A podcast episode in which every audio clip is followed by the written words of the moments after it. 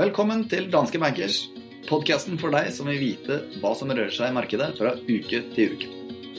Mitt navn er Fredrik Astensrud, og med meg som vanlig i studio fra Oslo i dag har jeg vår sjefstrateg Christian Lie. Velkommen, Christian. Tusen takk. Eh, vi skal selvfølgelig eh, se på de viktigste tingene som har skjedd denne uken, og uh, hva som er de viktigste tingene for neste uke. Men som vanlig så tar jeg litt fakta, og i dag så tenker jeg at jeg skal ha litt fakta om brexit, faktisk. Eh, man leser jo så mye om det, og så er det kanskje ikke alle som vet like mye om det allikevel. Eh, så i hvert fall brexit det er kort for Britain og exit.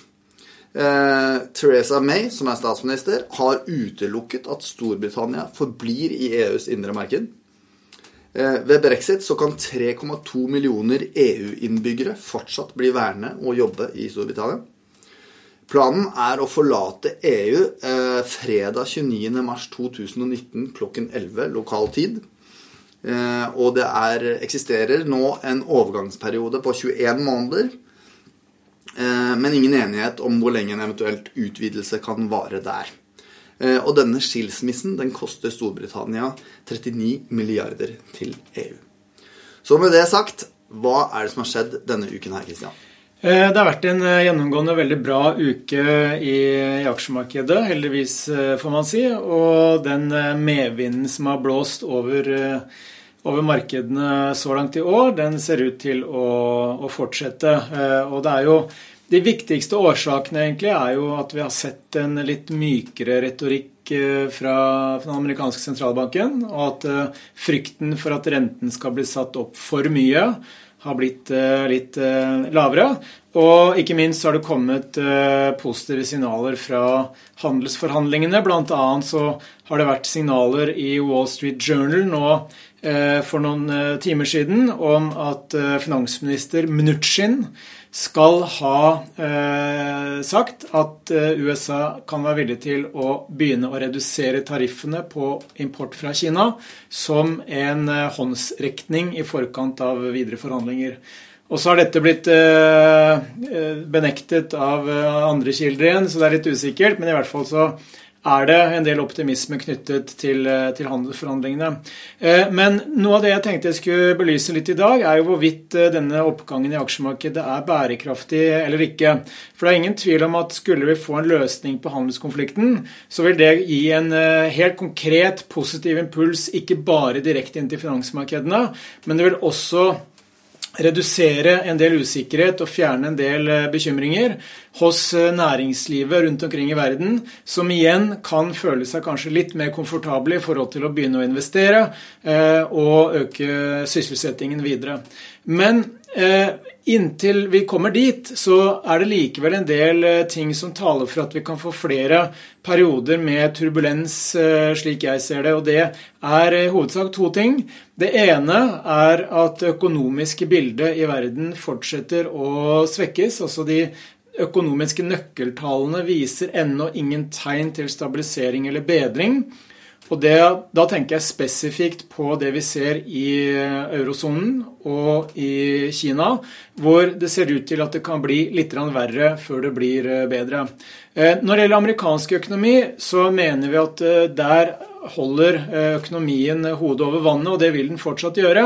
Men det er en del tegn til at det beste eh, er bak oss. Og som vi vet, så er investorene veldig opptatt av såkalte endringstakter, om ting går fra eh, eller om ting endrer seg til det bedre eller det verre.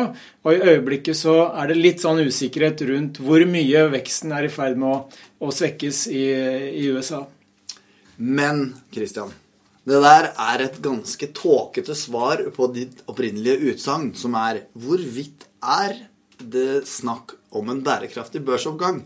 Så hvordan Hvis du ikke var Christian, hvis du var moderen, og jeg hadde spurt deg er det Ser vi for oss en bærekraftig børsoppgang?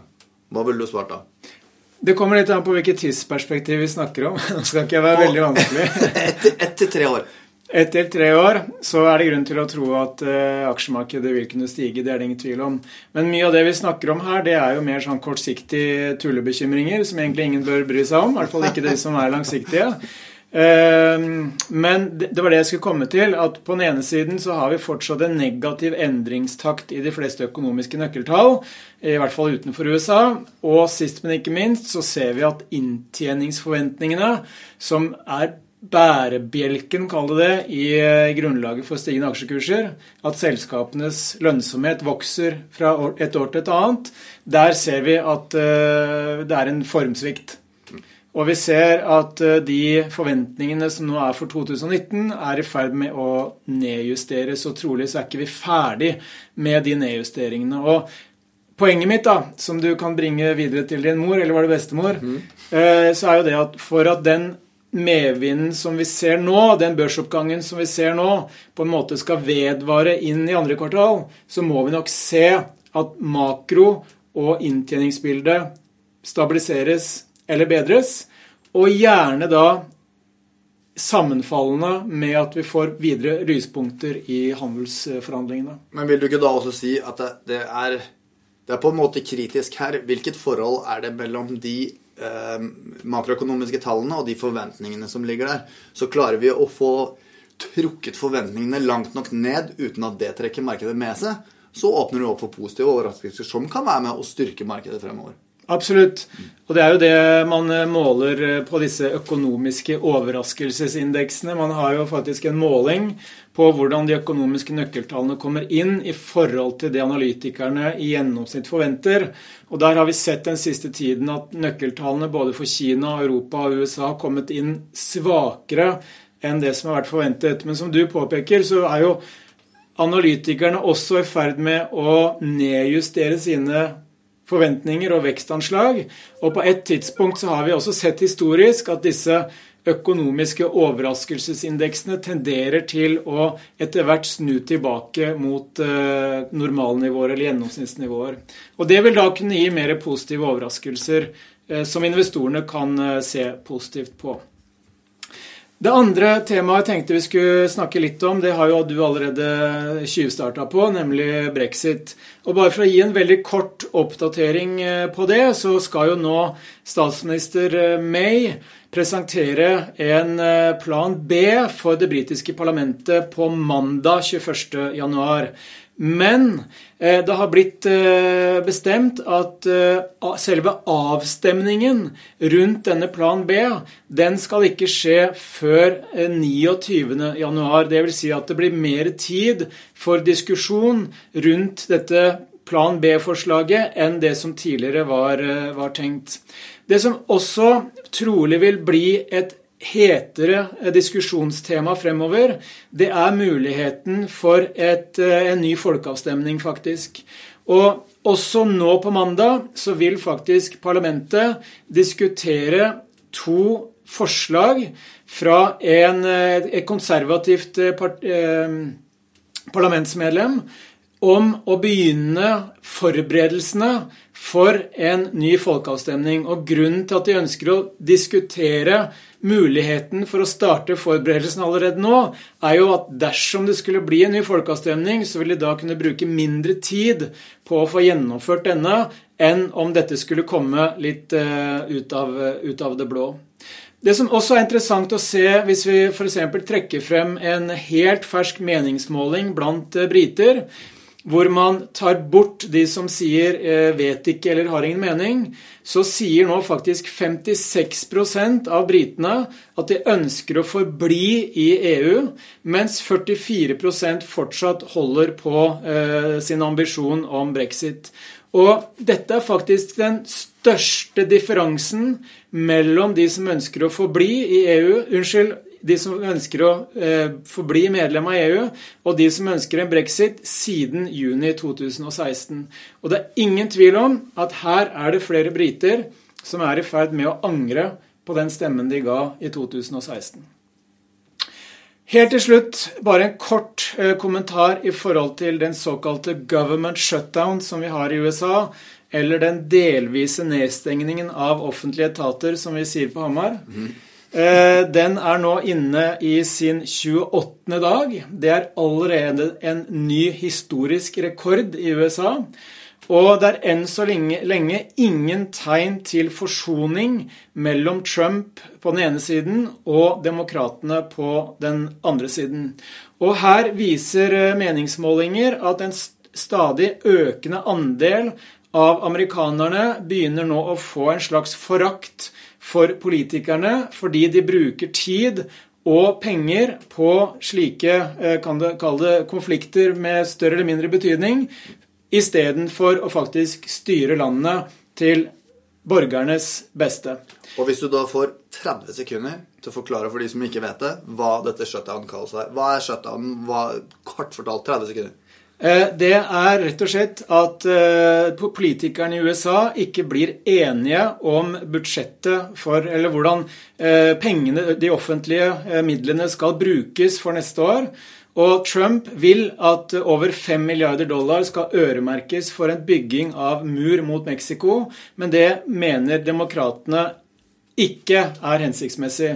Og da er det slik at Når man da ikke blir enige om hvordan staten skal finansieres, så må eh, deler av off de offentlige etatene rett og slett stenges, fordi de har ikke funding eller finansiering. Eh, og det er det som er situasjonen i dag, at 385 000 statlig ansatte står e-, egentlig uten lønnsslipp og, og jobb i øyeblikket. Og på sikt så vil dette kunne svekke amerikansk økonomi. Eh, allerede nå så er det snakk om at eh, for hver 14. dag som går med denne nedstengningen, så reduseres amerikansk BNP-vekst med 0,1 prosentpoeng. Så jo lenger dette varer, jo større usikkerhet blir det også rundt amerikansk økonomi. Det er bra forklart, Christian. Hva er eh, de viktigste sakene for neste uke? De viktigste sakene for neste uke det er, eh, Hvis jeg skal trekke frem den desidert viktigste, kanskje, så er det mandag klokka tre på natta. Da regner jeg med at du er våken. Yes. Eh, da får vi en hel rekke nøkkeltall fra kinesisk økonomi, og kanskje mest spennende BNP-veksten for fjerde kvartal. For vi vet jo at kinesisk økonomi har bremset ganske markant eh, opp. Og hvis vi ser eh, detaljer i disse BNP-tallene som tegner et bilde av en større svekkelse enn det myndighetene kanskje er villige til å innrømme, så vil det kunne skape markedsbevegelser. Onsdag klokka to så er det rentemøte hos ECB. Grunnen til at det er interessant nå, det er at vi har sett at ECB egentlig har holdt, eh, beholdt troen på at de skal kunne fortsette å stramme inn pengepolitikken, at de skal heve renten mot slutten av året osv. Men økonomien sier noe annet, og det er at eh, inflasjonen er avtagende, veksten er avtagende. og Derfor blir det spennende å se om ECB på en måte erkjenner at det er nå nedsiderisiko i forhold til økonomien, og, og hvordan de kan stramme inn pengepolitikken. Og fredag da får vi den såkalte tyske IFO-indeksen, som er en spørreundersøkelse blant 7000 tyske bedriftsledere. Og den er spennende nå, fordi vi har også sett veldig store svakhetstegn i tysk økonomi. Det kan faktisk ende opp med å bli en resesjon i tysk økonomi tredje og fjerde kvartal, altså negativ økonomisk vekst både i tredje og fjerde kvartal. Veldig bra, Kristian. Jeg skal gå gjennom markedsbevegelser de siste fem dager og oppsummere de viktigste tingene for eh, neste uke. Men før det så må vi selvfølgelig til eh, Aksjeolympiaden 2019, Fredrik mot Kristian. Forrige uke så tok du en eh, short-posisjon i Norge, og jeg tok en short-posisjon i Tyskland. Det var ikke riktig retning for noen av oss. Jeg dro med meg tap på 1,9% og du dro med deg tap på 1,3 det betyr at etter to uker inn i 2019 så ligger jeg på 0,3% i positivt terreng, mens du ligger på 6,9% i positivt terreng. Så da er spørsmålet, Christian eh, Eller faktisk, nå er det meg som skal velge først. Eh, jeg velger å overta din short-posisjon i Norge for neste uke. Så hva vil du ta? Eh, jeg tror at det kan krype ut noen positive nyheter rundt handelsforhandlingene. Eh, litt usikker på hva, men jeg har en følelse av at tyske aksjer kan gjøre det bra neste uke. Så du snur min tyske posisjon til long. Jeg går short eh, OBX. Så får vi se hvordan det går. For vi kan ikke tippe på hvor mye Storhamar slår Vålerenga i Gateligaen på søndag? Det er jo et, en åpenbar Vålerenga-seier. Yes, Men ok, markedsbevegelse de siste fem dager, det er i hvert fall OECBX eh, opp en halv prosent. SMP 500 i USA opp 1,5 prosent. Eurostock 600 opp 1,5 prosent. Og oljeprisen opp 2 De viktigste sakene for neste uke det er BNP-vekst eh, fra Kina på mandag klokka tre om natta. Så får, har vi rentemøte i ECB på onsdag klokka to. Og sist, men ikke minst, så har, får vi tysk IFO-indeks på fredag klokken ti. Det var alt vi hadde i denne episoden av Danske Bankers. Vi høres.